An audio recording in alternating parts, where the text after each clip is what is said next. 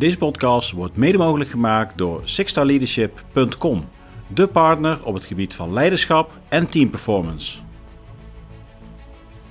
Hallo Patrick hier en leuk dat je weer kijkt of luistert naar een nieuwe aflevering van de Six Star Leadership podcast. De gast van vandaag is eh, Andrea Lapère. Voor de tweede keer, want de eerste keer eh, had ondergetekende een heel mooi gesprek met Andrea. Echter stond de camera niet aan. Nou goed, zonder camera geen podcast. Uh, dus gelukkig kwam Andrea nog een keertje terug en hebben we het gesprek overgedaan. En het gesprek is nog leuker geworden dan de eerste keer. Nou, zoals je weet zijn wij genomineerd voor de Dutch Podcast Awards, georganiseerd door BNN Nieuwsradio. Dus vind je het een leuke podcast? Nou, moet je ons sowieso gaan volgen op YouTube, Spotify en Apple Podcast. Maar ga ook eventjes stemmen op ons. Je vindt de linkjes in de beschrijving van de podcast. Ja, elke stem is waardevol. We zijn al dankbaar dat we genomineerd zijn uiteraard. maar natuurlijk is het natuurlijk helemaal mooi als wij ook nog deze podcast award gaan binnenhalen in het eerste jaar van de Six Star Leadership podcast. Nou, nou snel door met het gesprek met uh, Andrea Lapère. Uh, Andrea is eigenaar en oprichter van Stratego. Stratego is een bedrijf dat militairen eigenlijk plaatst in het bedrijfsleven op hele mooie functies. en ook daarin een verbindende factor is tussen defensie en het bedrijfsleven. heel mooi bedrijf, doen hele mooie dingen. en het was heel interessant om met haar ook daarover te spreken. We praten ook over hoe het is om als vrouw zijnde in een dusdanige mannenwereld te zijn. Een ontwikkeling van vrouwen en leiderschap daarbij. En we praten ook over het boek wat Andrea geschreven heeft samen met Monique Harmsen. Ik heb hier een exemplaar. Nou, je ziet hier achter mij, hier is die, ja, een exemplaar. En Andrea heeft drie boeken ter beschikking gesteld voor luisteraars van de Six Leadership podcast.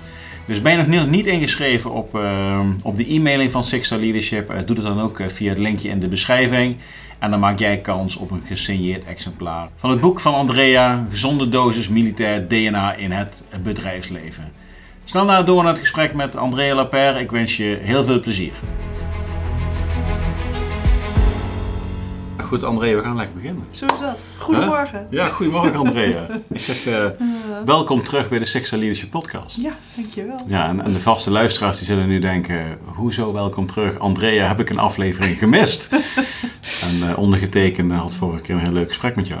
Alleen uh, toen wou hij de camera uitzetten. Hmm. En toen ging die aan op het einde van het gesprek. Oei. Ja, en toen kwamen we dus achter dat we eigenlijk geen opname hadden. Ja, maar wel een leuk gesprek. Maar een heel leuk gesprek. En vaak alles wat om tweeën gaat is nog beter. Laten we het hopen. Uh, ja, en ik, en ik heb dat niet van tevoren tegen jou verteld, maar soms doe ik gasten waar ik zo blij van ben dat ze er zijn, zet ik bewust de camera niet aan, want dan komen ze nog een keertje dan komen terug. Ze terug ja. dus, uh, nou, ik ben er Ja, helemaal goed. Nee, fijn dat je in ieder geval uh, nog een keer wil komen, hartstikke ja. leuk. En nou, Andrea Lapère, vertel eens even kort iets over jezelf en dan... ja. Pak ik het aan. Uh, nou, Andrea Lapère. Uh, ik heb het bedrijf Stratego opgericht 6,5 jaar geleden. En het doel van het bedrijf Stratego is het bemiddelen van oud-militair naar het bedrijfsleven. Daar kan ik straks wat meer over vertellen. Ja. En naar aanleiding daarvan heb ik ook een boek geschreven. Dat heet Militair DNA. Inderdaad. Die staat die. Die staat. Ja, ja, ja. dus dat is heel in het kort. Ja, oké. Okay. En hoe lang ben je met Stratego nu? Nu ja, ik ben 6,5 jaar geleden begonnen. Ik ben 8,5 jaar geleden geïntroduceerd uh, via een ander initiatief, uh, M4B, Military Talent for Business Solutions, samen mm -hmm. met Pieter Kobelens uh, in de doelgroep oud-militairen. dat initiatief had tot doel om oud-generaals en oud-kolonels naar het bedrijfsleven als interim managers mm -hmm. te brengen. Dat hebben we twee jaar gedaan en ik ben toen eigenlijk heel erg gefascineerd geraakt door de militairen in het algemeen. Uh, ik, kende, ja, ik wist eigenlijk alleen maar van Defensie dat de dienstplicht was afgeschaft. Nou, zelfs dat is niet correct, nee, want nee. het is opgeschort. opgeschort. Dus ik moest in een korte tijd heel veel leren, maar uh, de mentaliteit van de militair, daar was ik eigenlijk al heel snel van gecharmeerd. Ja. Dus, uh, maar heb jij iets met een de defensieachtergrond vanuit je familie of, of nee, helemaal niet. eigen militair DNA? Nee, helemaal niet. Helemaal niks. Okay. Nee, wat ik wel heb, ik ben zelf heel resultaatgericht en heel een, een mensenmens. Tenminste, dat is mijn eigen interpretatie. Mhm. En ik kwam de militairen tegen en daar zag ik wel dat, hè, het doelgerichte, uh, de winnersmentaliteit. Maar aan de andere kant ook wel heel erg zorgen voor elkaar. Mhm. Uh, dat sprak me heel erg aan. En bovendien was ik eigenlijk meteen geboeid door de, de, de, verhalen van de mensen. Dat ze huis en haard gewoon achterlaten om op Ja. uitzending te gaan. Hè. Dat ze een, een maatschappelijke verantwoording voelen om, om bepaalde dingen te doen. Die misschien wel hun leven kunnen, kunnen kosten. Mhm. Ehm, en daarmee hun blik op de wereld. En eh, ik vond het heel boeiend om bij zo'n intake van, eh, van een oud militair die dan uh, werk zocht in het bedrijfsleven of als, als, als projectmanager aan de slag wilde, wilde gaan, om dan te horen wat is nou jouw motivatie om dat te doen. Mhm. En ehm, ja, dat vond ik heel interessant. En toen kwam ik in het bedrijfsleven, want ik ging die militair dan proberen te verkopen. En dan zei ze in het bedrijfsleven, wat moet je toch in godsnaam met die militair? Want ik kan helemaal orders schreeuwen of ontvangen. Ze hebben allemaal een snor. Ja, precies. Ja. toen dacht ik, ja, dat is zo ver van hoe ik ze eigenlijk ken. En dat vond ik eigenlijk wel jammer. Dus dat maakte ook, eh, zeg maar, mijn, mijn uh, acquisitie heel moeilijk voor. Maar we spreken je over, over de groep, uh, zeg maar, af, afgezwaaide, gepensioneerde, ja, daar ben ik mee leeftijdsopslag Ja, daar ben ik mee begonnen. Ja. Ik ben met Stratego begonnen om deze mensen weer projectmatig in te zetten. Mhm. Um, toen was de functie leeftijdsontslag leeftijd nog wat lager dan nu. die was toen 55, 56, 57. En die mannen die, ja, die hebben nog energie, die willen nog iets doen. En die zijn goed geschoold en goed gemotiveerd. En hun vrouw werkt nog. En uh, als ze thuis zitten, dan gaan ze zich bemoeien of de vrouw wel goed efficiënt uh, stofzuigt en zo. Dus die wilde aan het werk. Taxi rijden. ja, Dat soort dingen. taxi. Of ik ken eentje die was postbode. Ja, nou, daar heb ik ze van gered. Want er zijn toch leukere dingen te doen. En ze zijn beter uh, inzetbaar dan dat. Dus ja, en, daar ben ik mee begonnen. Dus toen ben ik met die, met die uh, uh, mannen ben ik een soort van netwerk gaan bouwen met, binnen bedrijven waar we ze mhm. konden inzetten. En toen kwam eigenlijk één naar de andere, nou ik zal zeggen even generaliserend, de 35-jarige militair die dan tegen mij zei: Andrea, ik denk dat ik wel bij Defensie kan blijven. Ik denk dat ik een promotie krijg.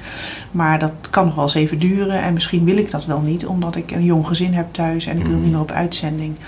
En dat is natuurlijk een andere motivatie dan dat je weg moet ergens maar die mensen vonden jou omdat ze zelf. Nou ja, omdat het eigenlijk in het netwerk rondging dat wij zeg maar uh, uh, leuke bedrijven hadden waar we zeg maar ons uitzendbureau, ons detacheringsbureau met die evaluers hadden. En toen dacht ik, ja, is dit mijn business? Dit is eigenlijk niet hoe ik het ooit bedacht had. Mhm. Maar dat waren wel hele leuke mannen. En ik dacht, ja, ik, ik heb dat netwerk nu liggen en ik heb aan die bedrijven, die snappen nu wat ik met wat, die, wat ik die militair kon brengen. Laat, ik, uh, laat ik dat ook maar doen. En dat is eigenlijk een beetje een tweede tak geworden die niet helemaal in eerste instantie de het doel was voor mij. Mhm. Maar wat we in de tussentijd eh, wel aardig doen. Dus uh, op het moment dat mensen zich bij ons melden, gaan we voor hun uh, zoeken naar, naar ander werk. Ja, heb je nog steeds die twee takken ook echt gesplit, zeg maar? Was dat langzaam aan elkaar overgegaan? Ja, het, is, het loopt door elkaar heen. Hè? Dus uh, um, uh, de focus lag eigenlijk meer bij het detacheren van, uh, van de pensionado's. Mm -hmm. En ondertussen is, is de tak het, het bemiddelen van de leuke jonge militair die bij Defensie weg wil om redenen, privé-redenen, mm -hmm. is eigenlijk een, een, hele stevige tweede tak geworden die we doen. En dat is eigenlijk nooit de focus geweest, maar dat doen we er wel bij. Ja. En daarmee heb ik natuurlijk ook, ehm, het is niet mijn bedoeling om eh, te hunten op actief dienende militairen. Dus eh, daar hou ik me ver van. Maar als ze zich bij mij melden of als ik zeg ik heb een leuke vacature, ik verspreid dat dan in de veteranenvereniging. Ik zeg ik zoek zo'n profiel voor zo'n soort bedrijf. En mensen melden zich bij mij, ook al zijn ze in actieve dienst. Uh, dan kan ik natuurlijk wel zeggen van er is latent interesse om te vertrekken. Maar ik ga niet Pietje Puk hunten omdat ik denk dat hij goed past op de functie. Nee, dus, dus dat is een beetje, de actieve militair vindt jou. Ja, precies. door, omdat ze weten dat, netwerk. Precies, door dat netwerk dat wij die bemiddelingen succesvol hebben uitgevoerd. En, en het is, ja, daar groeit het netwerk door. Want die mensen die, die landen ergens in het bedrijfsleven. En vaak worden dat natuurlijk ook weer leuke nieuwe klanten enzovoort. Dus dat, dat groeit dan. Maar dat is dan heel organisch. maar eigenlijk zijn jouw, jouw eerste klantgroep, mag ik maar het klant noemen? Ja? ja? Jouw eerste klantgroep zijn eigenlijk meteen uh, de, de, commandanten misschien wel van de volgende laag ja. geïnteresseerden. Ja, dat klopt. Die dan ook op een positie zitten die op zoek gaan naar mensen waar ze zelf graag mee samenwerken. Precies, precies. En dat zijn misschien wel hun oud-luitenanten, kapiteins. Precies. Die, ja. Grappig, ja. Het, is echt het is ook wel zo, hè, als ik in het bedrijfsleven kom en ik, uh, ik kom bij een militair die al, uh, een oud militair die al succesvol is in het bedrijfsleven en ik kom daar en ik zeg ik kom militair voorkomen, dan krijg ik altijd als eerste te horen van ja, maar ik heb mijn eigen netwerk. Ja. En dan zeg ik, nou laat me horen als je, als je ze niet kan vinden. En soms als een bedrijf heel erg groeit, zeggen ze ja, het is natuurlijk ook voor het bedrijf heel bedreigend als ik allemaal mensen, vriendjes van mezelf binnen ga trekken, maar ik wil wel dat militair DNA, dus ga jij maar zoeken. En dan, maar zodra ik iemand stuur, er is altijd gelijk een klik tussen twee oud militairen ook al kennen ze elkaar niet, hè, want dan zeggen ze: Ken jij die, ken jij die? Uh, heb jij ooit daar gezeten? Ja, ik ook. En ken jij ook die? Hetzelfde lichting. En dan denk ik altijd: Oké, ze gaan weer en dat, is, dat gaat helemaal goed, dit. Ja, wat dat betreft is het natuurlijk een. een, een ja, hoe het, nee, ja, is een, een duizendpoot, uh, defensie of, of, hoe zeg je dat? Een, een, een, soort van octopus met allemaal tentakels die zichzelf verspreidt over de verschillende... Iedereen kent elkaar wel op een bepaalde manier. Er is altijd wel een link met iemand die bij een eenheid heeft gezeten van die Precies, uitzending, wie ja. die ook kent. Dat is ongekend, en zeker als dat buitenstaander. ja. dat, dat, dat, ik vind Ja. dat elke keer grappig om dat weer... eh, hè. Als ik wel eens met een oud-militair eh, eh, ergens kom op een kazerne... omdat ik er een afspraak heb. Nou, je komt de gang niet door voordat je zeven handen geschud hebt. Ja, dat kan dan nu even niet met corona. maar omdat ze elkaar allemaal wel ergens van kennen. En, maar goed, dat maakt het netwerk ook heel sterk. En dat, heb, dat was niet iets wat ik me direct heb gerealiseerd toen ik ermee begon. Maar dat helpt mijn business nu wel. Hè, als ik een succesvolle plaatsing heb, dat spreekt zich rond in- binnen dat netwerk. En als men dan weer Ja. werk zoekt, komt ook via die kanalen komen de mensen zich weer melden bij Ja, mij. dat is mooi. mooi. Dus, eh, en dan betaalt de ja. kwaliteit zich ook uit. Want uiteindelijk moet Precies. jouw werk goed zijn. Ja, want het gaat natuurlijk anders- andersom ook. Hè. Als ik, als ik slecht werk lever, Dan gaat het ook heel snel. gaat het ook heel Dan snel. werkt die octopus ook, zeg maar. en Andrea, met militair DNA, ik moet zeggen, sinds eh, denk ik, een paar maanden terug dat de contact oppakten, zeg maar, Ja. toen kwam je boek ook, eh, ook uit. Ja. Ik ben die term ook stiekem af en toe gaan Ja, gebruiken. ja, ja, ik vind het wel leuk. ja. Hashtag militair DNA. Ehm, om- omschrijf dat eens hoe jij dat ziet. Want jij, jij komt zeg maar even als burger in aanraking met dat militair DNA. Ja. Eh, wat, wat, wat viel jou op en hoe omschrijf je dat? Ehm, nou ja, om een voorbeeld te geven. Ik begon, eh, ik, ik was zelf gepakt door de mentaliteit van de militair. Ik zei net al, eh, hij is eh, doelgericht, hij is, op, hij is, hij is toch mensenmens. Eh, ze zijn goed opgeleid. Ehm, eh, winnen is, is belangrijk voor ze. Een tweede plek kan zomaar de dood betekenen. Dat is natuurlijk heel extreem als je militair Mhm. bent. Dat, dat kennen we in het bedrijfsleven niet. Daar willen we ook winnen, maar daar hangt niet per se een hele negatieve consequentie aan vast. Ehm, ik ging wel herkennen in alle gesprekken dat je kan zo'n militair sturen voor een boodschap. Eh, ehm, ik heb een keer samen met een eh, bedrijf, eh, die stuurde trainde trainers naar Kenia. En die hadden onvoldoende trainers. En toen heb ik zelf vier eh, trainers eh, met militair achtergrond eh, meegestuurd. En die eerste overnachting was door het bedrijf niet goed geregeld in, in Kenia. En dan gingen die, die mensen van dat bedrijf die gingen naar Nederland bellen van... nou, dat is allemaal niet goed geregeld, dat moet je nog regelen. En mijn mannen die gingen gewoon een hotel boeken. En die gaven mij naar de hand de rekening. Zei ja, de eerste, de eerste nacht was niks geregeld. Dus we hebben het even opgelost en dit is de oplossing. En toen dacht ik, hè, hè weet je wel, van... ja, dat is, dat, dat is een veel makkelijkere oplossing. En daar merk je dan ook hè, dat ze in uitzendingen gewoon gewend zijn hun eigen ding op te lossen. Nou, dat was eh, heel specifiek. Nou, ik heb ook mensen in de zorg eh, gedetacheerd. eh, op moeilijke functies, hè, waar reorganisaties plaatsvonden. eh, twee oud-generaals. en toen zei iedereen, nou jij durft Andrea. Nou, moet ik eerlijk zeggen, ik op dat moment ook dacht van... ik ben blij dat ik ze geplaatst heb, maar even kijken hoe Ja, dit spannend. gaat. Ja, Ja. toch wel even spannend. Het was het begin van stratego en dan moet je toch wel goed doen... om een soort van goede spin-off te hebben. En toen kreeg ik eigenlijk alleen maar complimenten. Want toen werd er gezegd van eh, ze kunnen heel erg goed overleggen met. eh, want de zorg staat bekend om het feit dat ze zoveel polderen hè, voordat er een besluit genomen wordt. En er was een, een behoorlijk besluitproces waarin iedereen werd gehoord, maar op een gegeven moment werd een besluit genomen. En het was niet zo dat de dag daarna een nieuw argument, eh, iemand een nieuw argument had bedacht, dat dan eh, eh, de hele besluitvorming weer op zijn gat lag. En dan zei die militair wel van nou, we hebben dat nu besloten, dat is een wel overwogen besluit, we gaan dit nu gewoon doen. Maar wel met een bepaalde zachtheid voor de mens, dat het, dat het werd gepikt. En ehm, d- toen dacht ik weer, zie je wel, weet je, ik kon het nog niet zo goed duiden, maar ik dacht, dat is nou wel wat die militair dan meebrengt. Want die militair is geleerd in zijn carrière dat dat team, hè, de zwakste schakel in dat team, eh, dat maakt hoe sterk dat team is. En dus ze zijn heel erg gewend om te zorgen dat in dat team eh, eh, de neuzen de goede kant op staan enzovoort. En dat kunnen ze vaak op een hele leuke manier bewerkstelligen, omdat ze in verschillende situaties hebben leren leiding geven. Ja. Eh, op verschillende niveaus in hun carrière enzovoort. En dat zie je terug. Nou, en dat is iets, als je hebt over militair DNA, dat, dat zijn dan de componenten. Dat ze goed kunnen leiding geven, dat ze bij onverwachte situaties gewoon ook eh, hun mannetje kunnen staan. Eh, de zelfstandigheid, de vriendelijkheid, maar wel de Ja. doelgerichtheid. Maar is, is dat dan iets wat, wat, wat dan in, in het bedrijfsleven of in de zorg in dit geval minder aanwezig is? Of hoe? Want daar, daar lopen ook mensen die mensgericht zijn en, Ja. en, en, en discipline hebben, gestructureerd kunnen werken. Nee, dat, ik zeg niet dat dat er niet is. Wat ik zeg is dat Defensie het vormende karakter heeft. Dat Mhm. als je je carrière doorloopt bij Defensie voor een groot deel van, hè, in elk geval je beginstuk van je carrière, dat dat wel dat dat heel erg vormend werkt. Dus Ja. dat je wel terugziet dat de mensen die bij Defensie die eerste 10, 20 jaar gewerkt hebben, dat die bepaalde kenmerken goed ontwikkeld ja, hebben. precies. Ja. Dus eh, ik zeg ook niet dat het er niet te vinden is. Daarom zeg ik, eh, een, gezonde dosis militair. DNA in bedrijfsleven is goed. Eh, ik ben wel eens bij Dame Shipyards geweest en zei ze... Ja, hier lopen al zoveel militairen rond. Er gaan de hakken tegen elkaar in de gang. Dus we hoeven niet nog meer militairen. Ja. Ehm, Flauw grapje zeg. ja, Flauw grapje. ja, Nou, ik snap het wel een beetje. Ik had het bij de RET ook. RET was ook een klant van mij. Mhm. Daar hadden we ook meerdere militairen. Die zeiden, nou nu even genoeg Andrea. Want eh, eh, we worden hier bijna overgenomen. Want die militairen die regelen het met elkaar. En de rest voelt zich dan een beetje buitengesloten. Ja, ja, want ja. eh, dat is... ja, ken ik wel. Ja, ja. ja. Inderdaad, als je dan met een aantal milita militair of ex-militairen bent, dan is het ook tik, tik, schakelen. Precies. Je kijkt elkaar aan, je begrijpt en je gaat. ja, je gaat. Je gaat het doen. Alleen ja. je bent- en anders zit er nog ja maar, weet je wel. Ja, en, eh, maar, maar er zijn misschien ook nog dertig anderen die ook mee moeten, weet je wel. Dus, dus je moet ook inderdaad wel oppassen dat je niet te snel gaat in dit geval. Precies. En als je dan te veel, een overdosis militair DNA hebt, en je hebt dat misschien zelf wat minder, ja, dan denk je, dan, dan Dan- heb je het gevoel, ik word een soort van overgenomen. ja, precies. Maar dat is die efficiëntie, hè? want het, het komt voort uit niet, dat, het komt uit eh, efficiëntie voort en niet uit het niet eh, eh, willen luisteren naar anderen, maar meer Ja. van oké, er moet iets gebeuren. En, en de militairen schieten gewoon snel in actie. Hè? Eh, Ja. Het mooie van militair vind ik dat ze heel strategisch hebben geleerd na te denken, maar dat ze absoluut ook leren om heel operationeel met hun voetjes in de klei te staan. En dat maakt ze, vind ik, heel waardevol. Want wat dan ook het probleem is, kunnen ze schakelen tussen die verschillende niveaus. En ook daar zeg ik weer, het is niet zo dat andere eh, eh, mensen in het bedrijfsleven dat niet kunnen. Maar het is iets wat eh, goed ontwikkeld is bij Ja. eh, mensen die ja, die vorming is komen. wel goed dat je het aan.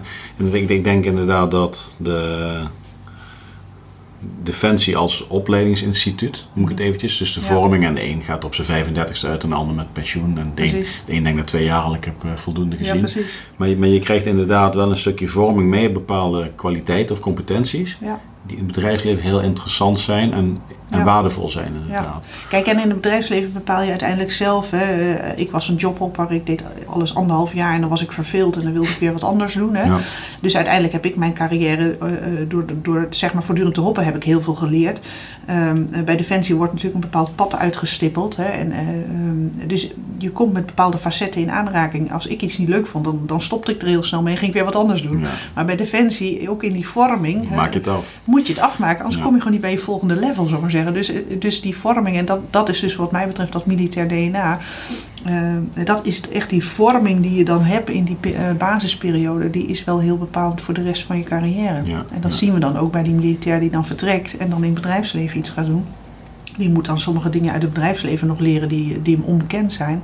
Maar die heeft wel de goede tools bij zich om, ze, om zijn kennisachterstand heel snel in te halen. Ja, ja. En dan met zijn eh, eh, goed geslepen eh, competenties een bijdrage te leveren die dan wat minder aanwezig is Ja. bij andere medewerkers. Zie- Ja. heb, heb jij ook in, in, in de afgelopen jaren gezien, want 2014 zei je volgens mij? Ja, begin 2014. Ja, dus meer dan zes jaar al. Mensen die geplaatst zijn, die ook echt tegen een, een, een- een burger cultuurshock aanliepen, Ja, waarin ze zelf ook hadden, hebben moeten veranderen daarin om juist aan te passen ook. Ja, dus dat is, is echt een aandachtspunt ook eh, bij ons. Eh, Mhm. eh, als, eh, als een militair bij Defensie weggaat en hij gaat naar, de, eh, naar, de, eh, eh, eh, naar het bedrijfsleven, dan waarschuwen we hem ook echt. Hè, van het, is, het is veel minder kameraadschap. Eh, eh, wat mij heel erg opviel toen ik met militairen omging, is ze, we- ze kennen mekaars vrouwen, ze weten me- mekaars kinderen, ze weten welke ziekte een kind heeft, dat iemand eh, een kind verloren is. Ja. Het het maakt niet uit. Hè.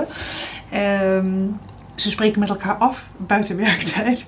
Nou, dan komen ze in het bedrijfsleven. Nou, dan zeggen ze, nou André, wat een los zand. Want dat is hier niet, weet je wel. En, eh, Die kerstborrel komen we nog wel met z'n allen, ja, maar dat is het al ongeveer. Hè? als het buiten Dus, eh, werktijd is, dan... eh, ja. Nou, en dat is, kijk, eh, voor sommigen is dat heel belangrijk, voor sommigen is het minder belangrijk. Maar het- is wel iets wat, wat ze zich niet realiseren als ze de, de, zeg maar, eh, eh, naar het bedrijfsleven gaan. En het grappige is als ik zeg maar, in de evaluatie, als ik iemand geplaatst heb, eh, na drie maanden of na zes maanden terugkom en zeg: wat vind je er nou van? Dan zegt het bedrijfsleven eh, die de persoon hebben aangenomen: wow, wat zijn we blij met deze man, want eh, het team is helemaal eh, opgeleefd en de teamprestatie is verbeterd en deze persoon kan een goed probleem oplossen. Maar als ik dan de persoon zelf aan zeg, die wow, André, nou, ik dacht dat je wat overdreef, maar inderdaad, weet je, ze, Ja. we weten hier niks van elkaar en het is hier s'avonds doei. En, ja, en de een kan daar wat makkelijker mee omgaan dan de ander, maar het- ik hoor het eigenlijk van allemaal terug. Dat is de grootste cultuurshock eh, eh, die ze Ja. hebben. Het, het, het zit hem niet op eh, of ze kennis hebben van het vak of, eh, of ze zich snel kunnen inleren. Het is juist dat sociale aspect net buiten het werk om, wat, wat zeg maar dat groepsgevoel geeft. Ja. dat is Is, dat ook iets wat, wat, wat militairen dan kan afschrikken om de stap te maken, omdat ze heel erg koesteren wat ze hebben? Nou, vaak zien ze het pas als ze weg zijn. Ja. Ehm, Oh, toch wel, Ja, ja. dus dat, dat is mijn ervaring. Dat- Sommigen zeiden ook van, als ik het geweten had, was ik misschien wel niet weggegaan. En dat is dan niet omdat de baan niet leuk is, maar omdat het gewoon toch een hele andere omgeving Maar is dat in die beginfase dan of is dat jaren later ook nog? Nee, het is in de beginfase. In de beginfase Dat is in de dat. beginfase. Daarna zie je ook wel dat, dat ze ze vinden hun weg ook wel. Ja. En, en vaak, en dat weet jij waarschijnlijk zelf ook, ook als je Defensie hebt verlaten, vaak zijn er nog heel veel lijntjes met eh, de oude organisatie of Ja. via de veteranenvereniging of zelf eh, met een aantal vrienden die aan elkaar blijven eh, plakken. Dus dat is dan niet meer afhankelijk van of je bij, bij Defensie werkt nog met z'n allen. Eh, die contacten blijven bestaan. Hè. En dat maakt nu ook natuurlijk eh, dat als, als we iemand plaatsen in het bedrijfsleven en we zeggen we hebben nog iemand anders, dat, netwerk is zo Ja. ontzettend sterk. ja, dat herken ik zeker. Ja. ja. Ja, die, die, die, die, die, broederschap, zoals dat zo mooi noemen. Een mooi woord ook, broederschap.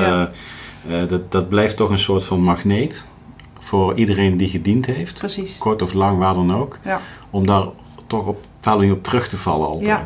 En dat is misschien toch een beetje een leegte die je opvult voor datgene wat je dan Niet meer hebt. niet meer hebt. Precies. En dat is prima. Dat Ja. is mooi dat dat kan. Ja. Maar het is inderdaad wel een, eh, een dynamiek inderdaad. Ja. Ja. Nou, ik heb, ik, heb, ik, heb, ik heb als interim manager elf jaar gewerkt. Eh, ik heb één opdracht gedaan, eh, anderhalf jaar heel intensief, inderdaad eh, het afbouwen van de onderneming om te voorkomen dat het failliet zou gaan. Hè, dus Mhm. netjes oplossen. Daar hadden we inderdaad ook ontzettend groepsgevoel. Dat was eigenlijk het enige wat een klein beetje kan tippen. Hè, want dan ben je ook met een niet zo leuke klus bezig met z'n allen. En, en, en- dan moet je met je volle inzet moet je ervoor gaan.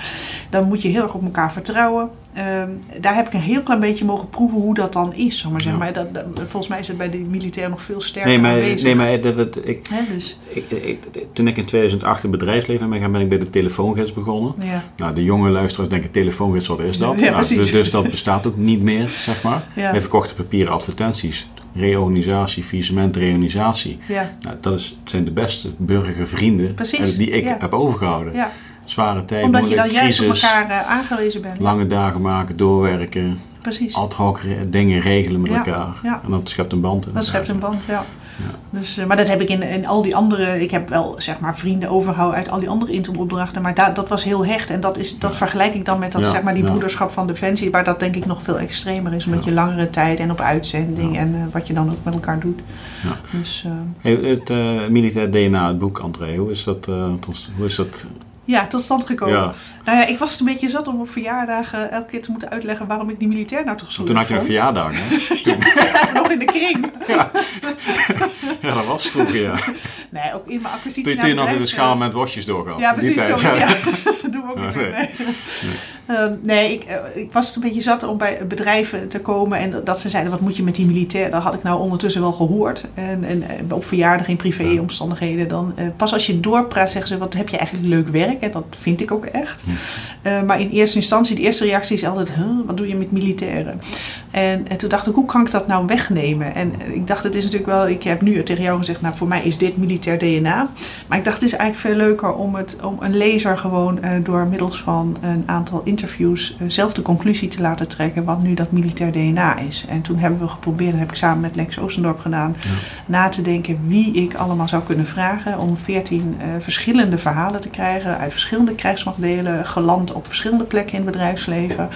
Ehm, eh, om dan zeg maar na, na die veertien verhalen zelf de conclusie te kunnen trekken als lezer van nou, eh, eh, dit haal ik eruit als gemene deler.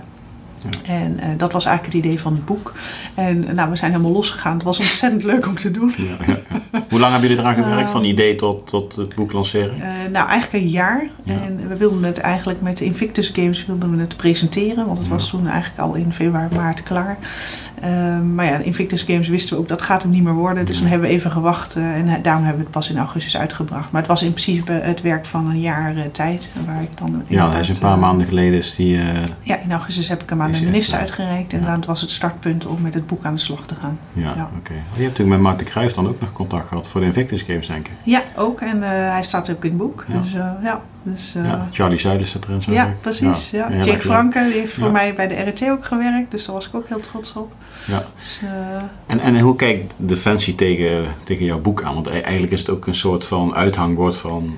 Ja. Kijk eens wat je meeneemt. Ja. En het staat eigenlijk... eh minister Beideveld uh, heb je me uitgereikt. Ja. Niet, niet nee, we hadden gevraagd eigenlijk of uh, zij het voorwoord wilde schrijven, maar dat kwam niet langs haar adviseurs. Nee. die zei, nou, het is veel te commercieel. Dus toen hebben we gevraagd, mogen we dan het boek aan haar uitreiken? En dan was het antwoord ja. En toen we eenmaal bij de minister zaten, toen, uh, toen zei ik dus, nou ja, ik zeg, ik heb er nog eens over nagedacht, maar... Ehm, dat je het voorwoord niet wilde schrijven, dat snap ik, want het is reclame. Maar het is eigenlijk vooral reclame voor jouw bedrijf. Ook voor mijn bedrijf, maar ook voor jouw bedrijf.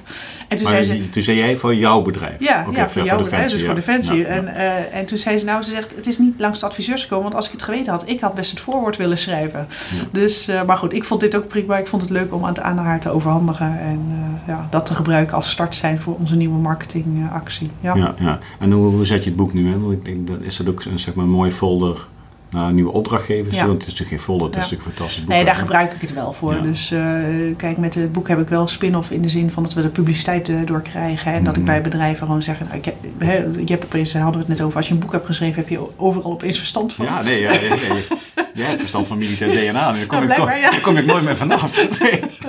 nou, als ik iets in beweging zet, dan vind ik dat alleen maar leuk. Nee, ik gebruik het echt om deuren te openen en uh, eigenlijk nieuwe kansen te krijgen om die oud-militair in het bedrijfsleven te plaatsen. En dan met name eigenlijk uh, de 35-jarige militair die uitstroomt, uh, eigenlijk uit natuurlijke redenen. Dus uh, zo willen we het boek ook gebruiken. En bovendien is het gewoon een leuk leesboek. En het is een beetje, uh, als mensen zeggen, wat doe je nou heel de dag? Nou, wij doen natuurlijk intakes met mensen en dan horen we hele leuke verhalen. En dit is eigenlijk, nou ja, dit zijn niet mensen die bij mij een intake zouden doen. Maar het is wel een beetje een inkijk geven in wat zijn nou de soort verhalen die wij horen ja. als wij, uh, als wij intakes doen met Ja, met ja het voordeel van de mislukte opname is dat ik nu het boek heb gelezen. Ja, precies. Ook kan je overhoren. ja, nee, ja, nee, ja, goed. Het is, het is, het is heel mooi om te lezen inderdaad. En, en, en, en herkenbaar, omdat ik natuurlijk zelf ook dat proces ja. doorlopen heb. Ja. Uh, maar ook gewoon heel mooi om te zien dat, dat er... Ja, je bent niet alleen. Weet nee, je wel. En, dat is, en dat besef je dan als je jouw boek leest van, oh, hè, hij ja. ook. Oké, okay, dat ken ik ook, weet je wel. Kijk, en uh, nou, we geven ook drie boeken weg okay. aan luisteraars. Ja. Dankjewel voor de, voor de boeken. um, als, als je kijkt naar de huidige bevelhebber van de landstrijdkrachten, generaal Wijnen volgens mij. Ja. Die, die is ook heel erg bezig met defensie neerzetten als School of the Nation. Hoe ja, noemt hij dat? Klopt. Hoe zie jij dat? Nou ja, goed, eigenlijk is, ik noem het ook in het boek, hè, van uh, uh, je ziet de footprint. Ehm, als de mensen uitwaaieren in het bedrijfsleven, dan zie je inderdaad uh, wat zeg maar de, de vorming heeft gedaan. Mhm. En naast het feit dat, dat Defensie uh, sowieso heel veel doet aan scholing. Hè. Uh, de mensen die bij Defensie weggaan uh, hebben, zijn zeer goed opgeleid. Hè. Hebben recente cursussen gedaan. Dat is soms ook meer en beter dan in het bedrijfsleven. Daar is ruimte en tijd voor. Dan het vormende aspect. Um, ja, ik denk dat dat een toegevoegde waarde heeft in de maatschappij. Ook als ze niet meer bij Defensie werken. Mm -hmm. En men, zie je Defensie dan ook zichzelf steeds meer inrichten als ook een opleidingsinstituut er zijn natuurlijk wat wervingsuitdagingen, ik maar zeggen. Bedrijfsleven, nou, ik, ik denk dat het wel de toekomst is. Ja. Ik, ik hoop dat het de toekomst is, omdat ik denk dat het uh, toegevoegde waarde levert. Dus uh, een bepaalde manier van uh, dienstplicht of maatschappelijke dienst draaien voordat je zeg maar, je eigen leven gaat, gaat inrichten, zou ik niet verkeerd vinden. Hè? Als je ziet wat nu uh, in het klein al gebeurt met uh, Defensie, uh, zou ik daar geen tegen, of ben ik er een voorstander van om te zeggen van dat heeft absoluut toegevoegde waarde om een bepaalde waarden en normen in de maatschappij ook weer terug ja. te krijgen. Ja, ja. maar dan moet de, de bevolking, mag ik het zeggen, ja, mag zeggen. Die, die, die zien Defensie wel steeds ook zo de militairen zitten op de Ja, dat is een beetje jammer. Hè? Defensie heeft wat dat betreft gewoon niet zo'n goede reputatie. Hè? op dat vlak. Ja, uh, uh, heel directief. Terwijl ik denk dat is, dat is helemaal niet zo. Maar dat is, daar heeft de Defensie aan zijn reputatie niet zo goed uh, gewerkt. Hè. Bij, in Amerika is het totaal anders. Ja. daar wordt hij militair binnengehaald. dat is de andere kant van het spectrum. Hè. En wij zitten daar. Um, dat is jammer, want Defensie heeft zeker toegevoegde waarde. Ja. En, André, met, met strategen, doe je dat alleen of heb je, daar, heb je daar een heel team omheen? Want je noemt ook de naam Lex Oostendorf. Ja. Dat is mijn oude commandant. Ja. Dat heb ik ook, ook verteld. Dus ik zeg ja. tegen ook Lex als je kijkt. Ja. 11 Tank Bataljon 2 nee, 1997. Okay. Uh, dat is wel leuk. Um, toen was Lex uh, bataljonscommandant, ja. in die tijd. Um, werken jullie veel samen of hoe is dat ontstaan?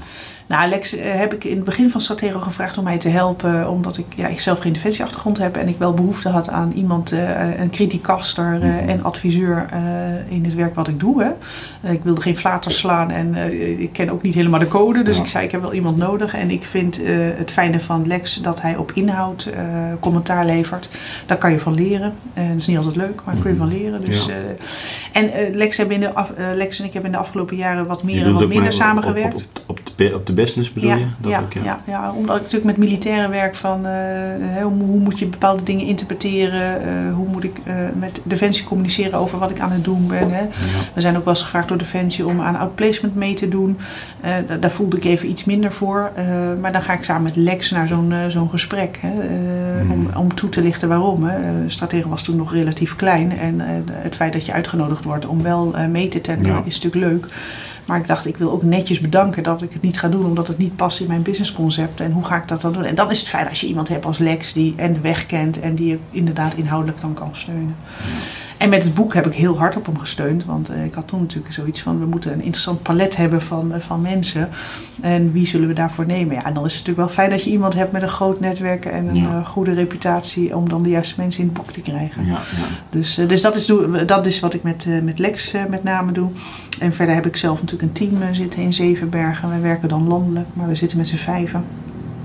Met vijf FTE bedienen we eigenlijk het land. Dus uh, daarmee runnen we ons detacheringsbureau en doen we alle werving- en selectieopdrachten die, we, ja, die zich voordoen. Ja.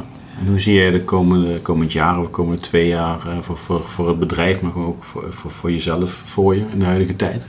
Nee, ik heb er altijd voor gekozen om heel organisch te groeien. Mhm. Dus uh, ik grijp natuurlijk middelen aan zoals het boek om uh, wel uh, te groeien. maar ik probeer vooral waar te maken wat ik zeg. Ja. Dus ehm, ik zal ook niet van de daken schreeuwen wat ik aan het doen ben, omdat ik het dan niet kan opvangen. Dus we proberen aan. Hoe bedoel je met, met, met factuur? Nou ja, ik kan, ik kan natuurlijk zeggen, ik mailtje hier aan. Ja. Maar dan als, ik, als er 100 mensen per dag aanmelden, kan ik ze echt niet plaatsen. Daar ben ik niet op ingericht. Nee. Um, dus wat we doen, willen we goed doen. En um, ik heb gewoon gemerkt, doordat het netwerk en die olieflex steeds groter wordt, uh, groeien we gewoon.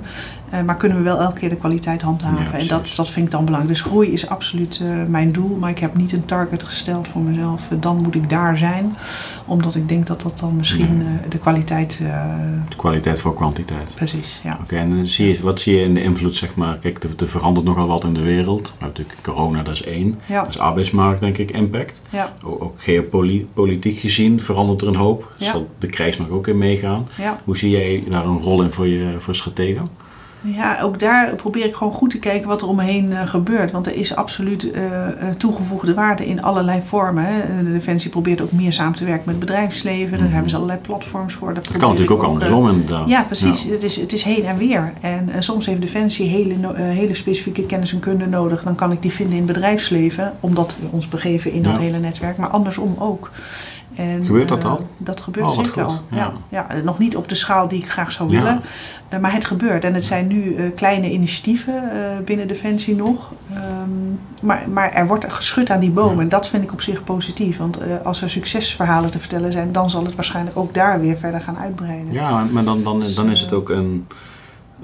dan verlaat je de organisatie niet meer, zeg nee, maar Defensie. Nee. Maar dan dan, dan ben je gewoon bepaalde stappen voor je carrière aan het maken. En dan voeg je daar waarde toe, ja. wat er dan maar nodig is. Dus dat, is, van super. er was een paar jaar geleden zelfs een heel, heel goed initiatief. Uh, uh, dat was vanuit de marine was dat.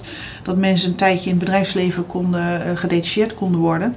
Uh, en dan kon een detacheringsbureau kon dan gewoon een rol inspelen. Mm -hmm. uh, en dan konden ze kijken of ze dat leuk vonden. En dan konden ze ook weer terug als ze dat wilden. Maar ze konden ook blijven. En dan waren de, uh, de loonkosten werden gewoon gedeeld door de ja. twee partijen. En dan krijg je de uitwisseling waar we eigenlijk allemaal naar zoeken. Hè. Dan is het niet zo dat die militair per se zijn militaire carrière hoeft op te geven. Maar hij kan ja. wel even buiten kijken. En, en, dan is het ook makkelijker om te zeggen... nou, ik mis mijn militaire maten en mijn omgeving. Ik ga weer terug. Ja. Dan dat hij uit dienst is getreden en dan weer op een of andere manier terug moet, moet komen. Dus uh, er zijn allerlei tussenvormen. Uh, ze zijn soms niet altijd helemaal goed uitgewerkt nog. Hè. Dan loop je tegen praktische uitvoerbare zaken. Hè. We hebben toch met arbeidsrecht enzovoorts te maken. Um, maar ze zijn er. En in een pilot kun je dan wel toetsen van zou dat werkbare situaties uh, zijn. En dat zijn wel dingen waar ik natuurlijk graag aan meewerk. Ja, het is ja. natuurlijk niet iets, iets statisch. Hè. De arbeidsmarkt en de, en de wereld om ons heen is heel dynamisch. Dus je moet voortdurend ja. kijken van hoe, hoe moeten we mee aanpassen. Ja, ik, ik zie nou een campagne van Defensie waarin ze eh, herintreden. Mhm. Zie, zie ik vaak voorbij komen nu. En daaronder zie je eigenlijk alleen maar comments. Ja, voor mij geldt het niet meer. Ja. Dus, ja, dan... eh, dus, dus- want er zit natuurlijk, ja, je hebt, misschien zoek je maar een heel klein segmentje wat daadwerkelijk in aanmerking komt voor herintreden. ja. Terwijl ik dacht, ja, ja, ik wil eens even kijken. Dat Ja. kan best interessant zijn. Ja, ik, heb, precies. ik heb nog tien jaar in bedrijfsleven dingen gedaan. Ja. Ik wil weer instromen. Ja, je bent oud. Of je bent dit of je bent dat. Dat is Ja, jammer. waarom dan? Ja, precies. Ja, hoezo dan? Oké. Dus, eh, Nou, leuk André. Ja, ik, vind, ik, vind, het- ik vind het mooi wel, want we, kijk, het Leadership we, Ja. wij, zijn, wij willen de verbinding zijn tussen militair en business, leiderschap en teamperformance, zeg Ja. maar. Omdat ik zelf ook heel sterk geloof in, in zeg maar de, de synergie tussen beiden. Ja, Als militair neem je een hoop mee. Ja. En je kunt een hoop leren in het bedrijfsleven weer, precies. vice versa. Kijk, en eh, ik denk dat het wel een mooie, wat een mooie, mooie ambitie is ook. Ja. Om dat op die manier Ja. te doen. Nou, laten we hopen dat we de wereld een beetje kunnen veranderen. Ja. In Nederland dan. ja, om te beginnen. Ja, maar de wereld is Ja, groot, joh. ja. En, en, en misschien ook, en, en toch ook zo klein. Want, want jij vertelde vorige keer ook dat, dat je het vanuit Amerika Ja, benaderd was ja. om, om dingen te Ja, doen. ik ben inderdaad benaderd eh, door, door een Amerikaans bedrijf die een opdracht eh, bij de luchtmacht hebben, hebben gewonnen. Eh middelstender. En die zeiden, eh, we zoeken een Nederlandse partij die oud-militairen aan ons wil leveren. Want we, doen, die opdracht het liefst met oud-militairen. Dat hebben we in de UK gedaan en dat hebben we in Amerika gedaan. Dat willen we in, de Nederlanden, Ja. eh, in Nederland ook zo doen. En toen dacht ik echt, ja oké, dat is natuurlijk ook een uitgangspunt. Nou, die had ik nog niet zo heel vaak in Nederland gehoord. Nee. Maar dat is natuurlijk geweldig. Hoe komen ze dan bij jou uit? Hoe gaat dat? Eh, nou ja, gewoon zoeken via internet en dan eh, horen via het netwerk van er is een partij die, eh, die dat zou kunnen organiseren. Dus eh, op een dag belden ze gewoon op en eh, ja, dan voor je het weet eh, ben je, eh, heb je een eh, telefonische conferentie en, Ja. eh, en, en voor je het weet moet je al mensen gaan zoeken. Ja, de, die opdracht Dus, eh, hebben jullie ook ge- ge- ja. gekregen. Ja, ondertussen, ja, toen was ik ermee bezig en Ja. nu, nu hebben we hem al binnen. ja, dus, ja. En ja. maar zie je dat dan ook? ik denk, oké, dat is één, weet je wel. ja, Ik denk ook meteen van, goh, wat, wat voor mogelijkheden zijn er dan nog meer? Want, want we hebben het over die octopus. ja, die, Charlie, die, die zat natuurlijk in Kabul. Die zit ondertussen ergens op... ja, weer ergens anders. Ja, ergens in Suriname, daar is ook ergens. Dus dat is ook een, een ja, ja, maar op het strategiebord gezien een Ja. van de pionnen die ook over de hele wereld heen gaat. Zo Ja. zijn er vele. ja. Z- Zie je daar ook kansen in? Nou ja, ik, kansen zijn er, absoluut. Alleen eh, op dit moment denk ik van met Stratego zijn er ook genoeg kansen in Nederland. Dus en dat is lekker Ja. dichtbij. Ja, Dus, eh, maar wij hadden ook zoiets van, willen we dit? En eh, ja, we willen het. Want het, is, het geeft maar weer eens aan. het feit dat ze zo duidelijk komen vragen, we willen graag werken met militairen. En het team moet straks ook wel gevuld worden met andere mensen. Maar we willen op de key posities willen we graag die oud-militair hebben zitten. Ik dacht van nou, dat uitgangspunt om zo zeg maar een project aan te vliegen. Het is natuurlijk wel logisch, het is voor Defensie. Maar dan nog, hè, Mhm. dat is wel, ja, chapeau, goed bedacht. Hè? En eh, kan ik daar zelf ook nog iets mee? Dus daar probeer je wel van te leren. Ja. Van hoe kan ik dit misschien ook nog anders uitrollen. Maar eh, ja, laten we deze op dan maar... eh, Heb je al vrouwen geplaatst? ja, ik heb twee vrouwen geplaatst, ja. Maar het is in de 6,5 jaar wel een beetje kader. Ja, nee, maar jouw jouw jouw startpunt was natuurlijk de, de pensionados. Ja, eh, precies. daar waren waarschijnlijk 100% mannen. Nou, er was één vrouw bij, ja. Eén vrouw. Ja, Van, de weet ik hoeveel. Dus Ja. dat is, dat is Ja. klein. Zie, zie je nou langzaamaan dat daar... Nou, er melden zich wel sta- steeds vaker vrouwen eh, aan. eh, maar nog niet in de... eh, maar goed, bij Defensie werken ook niet zoveel vrouwen als militair. Heb je daar percentages van, weet je dat? Nou, ik denk dat ik de 3, 4 procent haal. Dus, eh, Voor jezelf? Voor mezelf, Maar weet je hoeveel er bij Defensie nee, vrouwen? nee, dat weet ik niet. Nee, maar wel iets meer natuurlijk. Maar Ja. eh, ik, nee, dat zie ik Vier. niet echt. nou, nee. Nee, maar dat zou misschien 30 procent Ja, ik wou zeggen, maar ik heb heel, eh, dat is wel heel, heel jammer. Maar als er een vrouw is, dan zitten we wel te kijken, kunnen we er iets mee? En, Ja. eh, want het zou, eh, nou, ik ben zelf vrouw, dus ik vind het. Alleen maar, ik ben voor girl power. Ja. Dus, eh, heb je daar, voor- heb je daar, eh, zie je dat als een voordeel of een nadeel bij wat je doet nu? dat ik een vrouw De ben? girl power? Ja, dat, dat, Ja, jij erin. Ja, hè? ja. Girl power. Dus dat ik heb opgeschreven, als het over girl power begint, dan haak ik aan. Uh, um, nou, ik ben een keer geïnterviewd door het NRC en die uh, journaliste die uh, was heel erg voor het vrouwenquotum bij overheids, belangrijke overheidsfuncties. en toen was ik heel erg bang dat ze zou gaan vragen: ben je voor dat quotum? Want het antwoord is nee. Ja. ik vind het onbelangrijk dat ik vrouw ben. Ik vind talent moet kom bovendrijven, talent en hard werken. of je vrouw of man bent, maakt niet uit. Dus ik vind het niet relevant. Eh, heb ik een voordeel dat ik vrouw ben binnen dat netwerk? Ja, ik word gedragen op handen door al die mannen van, Ja, die in dat netwerk zitten. Dus ik heb geen klagen. Maar ik weet niet of ik er daardoor eh, business-wise meer profijt van heb. Dat weet ik niet. Eh, ik wil mijn werk gewoon goed doen en daar Ja. wil ik op afgerekend worden. En niet of ik vrouw of man ben. Dus, maar goed, eh, ik heb natuurlijk wel als vrouw... Maar vrouwen hebben natuurlijk wel andere, andere inzichten, andere manieren. Nou ja, het is wel zo dat als een, als een vrouw succesvol is, vind ik gewoon leuk. Weet je, omdat ik denk van eh, het kan. En eh, je maakt het niet afhankelijk van allerlei dingen. Je, je hebt gewoon gepresteerd en daarom sta je. Nou, dus als ik daar een bijdrage kan, kan leveren om haar op een leuke positie in het bedrijfsleven Ja. te brengen, dan ga ik dat zeker doen. En, da- en dan speelt het een rol dat ik een vrouw ben en dat ik nog een stapje harder Ja, ja, En ja, denk ja, van, ja. nou gun ik het nog meer, weet je wel. Ja. Omdat er gewoon niet zoveel zijn. moet je maar oppassen, er komen allemaal mannen met lippenstift. Dan denk ik, is dit ze meer de ze best. Dit ze meer het best. goed, ja. Ja.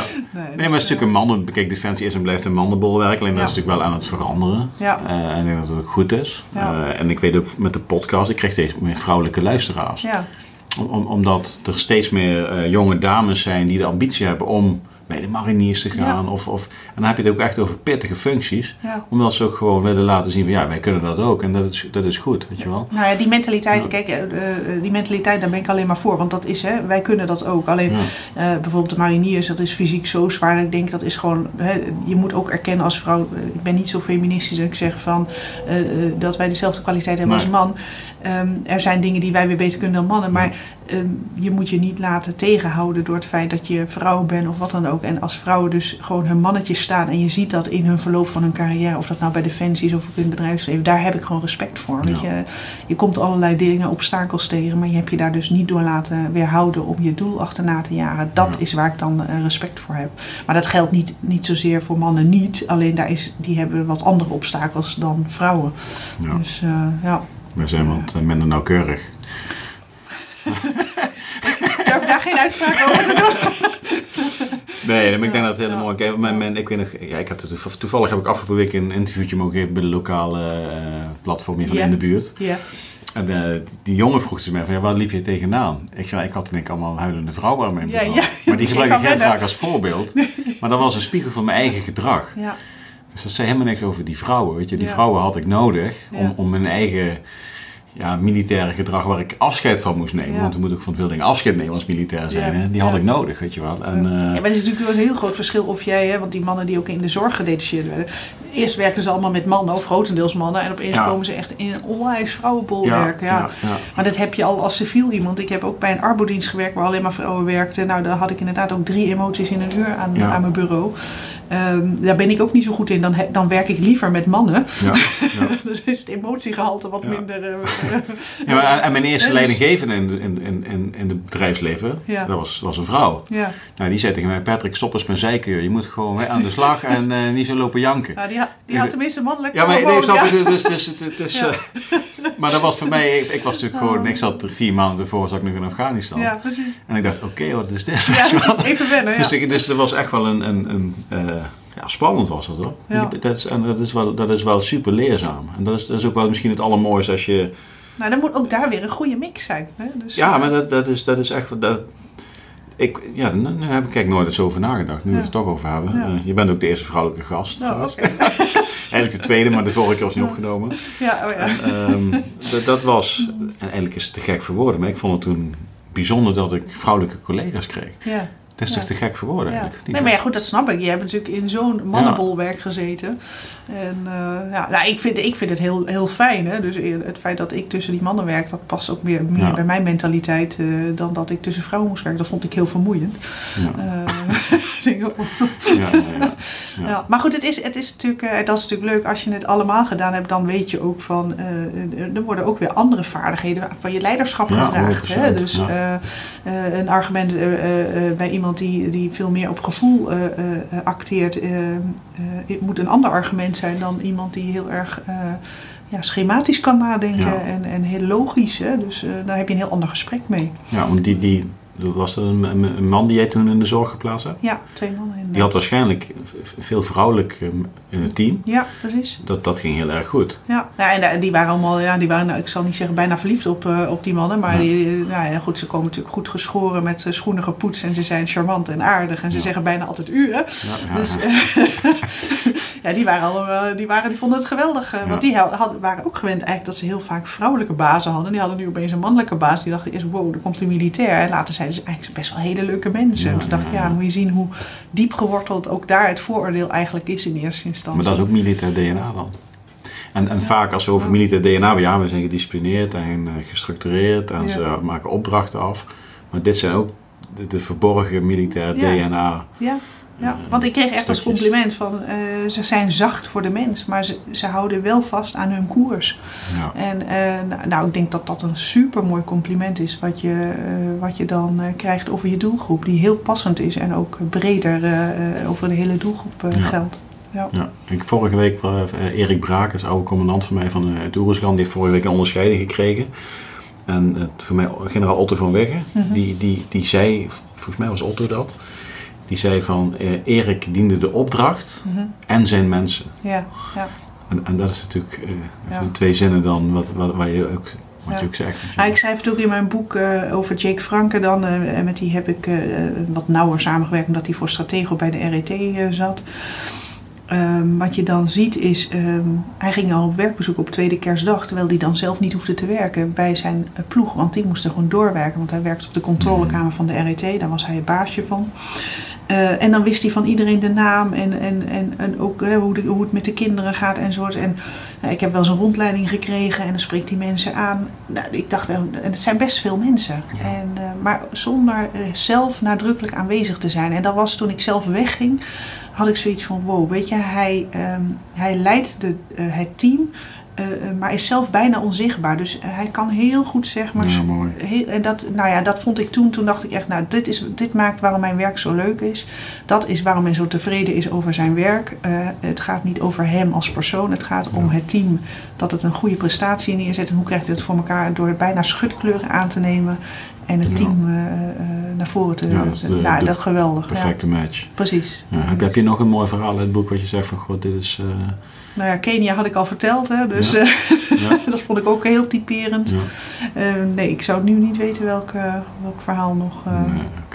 Nee. Gewoon Dus, lezen, zou ik zeggen. Gewoon lezen, Gewoon inderdaad. Het zijn allemaal leuke verhalen. Dus, nou ja, misschien als je nog maar de gelegenheid geeft voor één verhaal. Eh, André Lexmond staat in het boek. Mhm.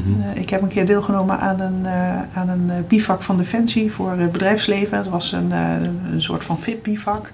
Maar hij was voor mij toch Ja. nog behoorlijk eh, Ja. stevig. En eh, toen moest ik de klimtoren in. En, eh, met Waar mij, was dat? eh, dat was volgens mij in Schaarsbergen. In Schaarsbergen. En ehm, in de klimtoren met een aantal mensen. En daar was ik onder andere ook met André Lexmond, wat ook een oud-militair is. Hij komt ook voor in het boek. En halverwege de klimtoren, nou, ik ben niet heel bang uitgevallen. Maar toen dacht ik van of ik ga huilen of ik ga overgeven van angst. Want ik vind dit nu toch wel eng. Maar goed, we moesten elkaar zekeren. Dus als ik naar beneden ga, moeten er nog twee anderen met mij mee naar beneden. En toen begon André gewoon tegen me te praten. En zonder dat ik het wist, was ik uiteindelijk dan toch boven. Met een ander probleem. Ik moest ook weer naar beneden, maar goed. Ehm, en daar dacht ik ook van, het, het grappige is dat je dan in een hele korte tijd, omdat je op dat moment, ik er, eh, ervoer heel veel stress op dat moment, eh, krijg je opeens een hele diepe band. Want je moet met elkaar er doorheen. Hè? En het gaat dan niet om leven en dood, maar ik kan me voorstellen als je in een klimtoren hangt en, en, eh, en het loodgehalte eh, om je hoofd is ook nog heel hoog, dan wordt het alleen maar meer. Ja. Maar ik had al zoiets van, dat was zo een, een, een diepe ervaring. Dus ik, ik zeg nu altijd als grapje van, het was mijn hoogtepunt en mijn dieptepunt. Hè. Eigenlijk andersom, het was eerst mijn dieptepunt en toen mijn hoogtepunt. Want toen we beneden stonden, dacht ik, wow, dit is een vriend voor leven. Want hij heeft mij gewoon naar boven gepraat. Hè. Ja. Dus eh, dat was ook de reden waarom ik dacht, ik zet hem in een boek. Want hij Ja, dat moment vergeet je mooi, nooit eh, meer. Dat vergeet ik nooit meer, Nee. nee. dus eh, ja. Nee. En, en, en, en vorige keer ehm, kwam ook Dick Berlijn heel even ter sprake. Ja, En toen, toen, toen zei jij iets van, dan herken, dan, want hij noemde je altijd anders dan dat. ja. Dat ben ik vergeten, dus ik, wil, ik dacht, daar wil ik toch nog even Ja. terugkomen. Als ik uh, Dick Berlijn zie, zegt hij, hallo Andrea Laporte. Laporte. Maar dat, zegt, maar dat zegt hij al zo lang. Dus ik zeg nu maar gewoon niks. Want ik vind het al heel knap dat hij het soort van weet. Ja, Dus, eh, maar toen stond er laatst iemand eh, bij eh, een NIDV-beurs stond ernaast. En die weet natuurlijk dat ik Lapierre heet. Dus Ja. die zei, eh, waarom, waarom heb je hem niet verbeterd? Ik zei, nou, na al die jaren ga ik dat niet meer doen. Nee, eh, ja. Dus, Dan denkt hij van, ze heeft jarenlang niks tegen me gezegd dat het fout was. dus ik hoop niet dat hij de podcast luistert. Nee, ja. Dan weet hij het nu. Nou, ik ga, ik ga, eh, ik zou, ik zou eh, meneer Berlijn, ik zeg al, Berlijn, zeg blijf ik al meneer op een of andere manier, ik weet niet waarom, Ja. maar die, ehm, die wil ik ook nog een keer in de podcast. Nou, dan ga je, hem, ga je het hem vertellen. En die ja. zou ik jarenlang geleden, jaren terug heb ik al een keer contact. En toen heeft ze de podcast eigenlijk niet doorgegaan. Ja, En dan zeg ik, ik sprak met Andrea Laper nog over u. ja, Dan zegt hij, wie is dat? ja, ja, Andrea Ik Laporte. zeg, ken je Andrea Laporte? Dat is dezelfde, zeg ik dan, weet je wel. Dus, Ja, dus, nee, leuk. ja, leuk. Andrea, dankjewel. Fijn dat je terug wilde komen. ja, graag gedaan. Heel erg leuk. Ik vond dit gesprek nog leuker als het eerst. Ja, ja, ja. We, hadden goed geoefend, hè? Ja, dus ik hoef het geluid niet onder deze beelden te zetten. Nee, Dus, eh, hey, dankjewel. Heel veel succes met Stratego. Ja, en jij Met- succes verder met de podcast. Ja, dankjewel. We zijn genomineerd. Ja, ik heb gestemd. Je hebt gestemd. Ja, je kunt tot 16 oktober kan iedereen stemmen. Dus zie je deze uitzending na 16 oktober, dan, eh, Heeft het geen zin? dan heeft het geen zin meer. Maar dan kun je altijd nog op YouTube eh, abonneren, uiteraard. Precies. Ehm, ja, en laten we samen de verbindende factor tussen bedrijfsleven en defensie blijven. Precies, nou lijkt me leuk. Op onze eigen manier. Ik Precies. denk dat dat, eh, dat dat mooi is. We hebben contact. Hoppa. Dankjewel. Leuk. Goed. Yes, en dan zit het gesprek met, eh, met Andrea Laper eh, er weer op. Leuk gesprek, veel besproken. Ik denk een eh, mooi bedrijf en ook een mooie functie voor, eh, eh, voor militairen die de stap naar het bedrijfsleven willen maken. Maar wat we ook gehoord hebben van Andrea, ook andersom. Dus zij kan ook eventueel een rol vervullen om mensen met bepaalde functies weer te plaatsen bij, bij Defensie. Dus heel erg leuk. Ik wil jou bedanken als luisteraar en als kijker. Ik wil Andrea uiteraard bedanken voor de tweede keer dat ze naar Haarlem is afgereisd. De video ziet er fantastisch uit, dus we kunnen doorgaan. Ik wil nog helpen herinneren dat eh, wij genomineerd zijn voor de Dutch Podcast Award van BNR eh, Nieuwsradio. Eh, de stemming loopt nog tot 16 oktober, dus hoor je deze uitzending of heb je deze uitzending gezien voor 16 oktober 2020? Eh, wij zijn genomineerd en het zou tof zijn als jij op ons stemt en wij kans maken om de award te winnen. Het jaar is al geslaagd en als we het kunnen afsluiten met een award, dan is dat een mooi extraatje waar we extra trots op kunnen zijn. Nou, denk ook nog even aan eh, de boekenactie die ik wederom heb. Ja, ik heb eh, drie mooie boeken gekregen van Andrea. Een gezonde dosis militair DNA. Een meesterzet voor je organisatie. Schrijf je in op de e-mailing van Sixer Leadership. Ook deze linkjes zijn te vinden in de beschrijving van de podcast. Op YouTube, Apple Podcast en Spotify. En dan maak jij kans om een van de drie boeken die Andrea heeft geschonken eh, te winnen. Tot zover, einde bericht. Tot de volgende keer.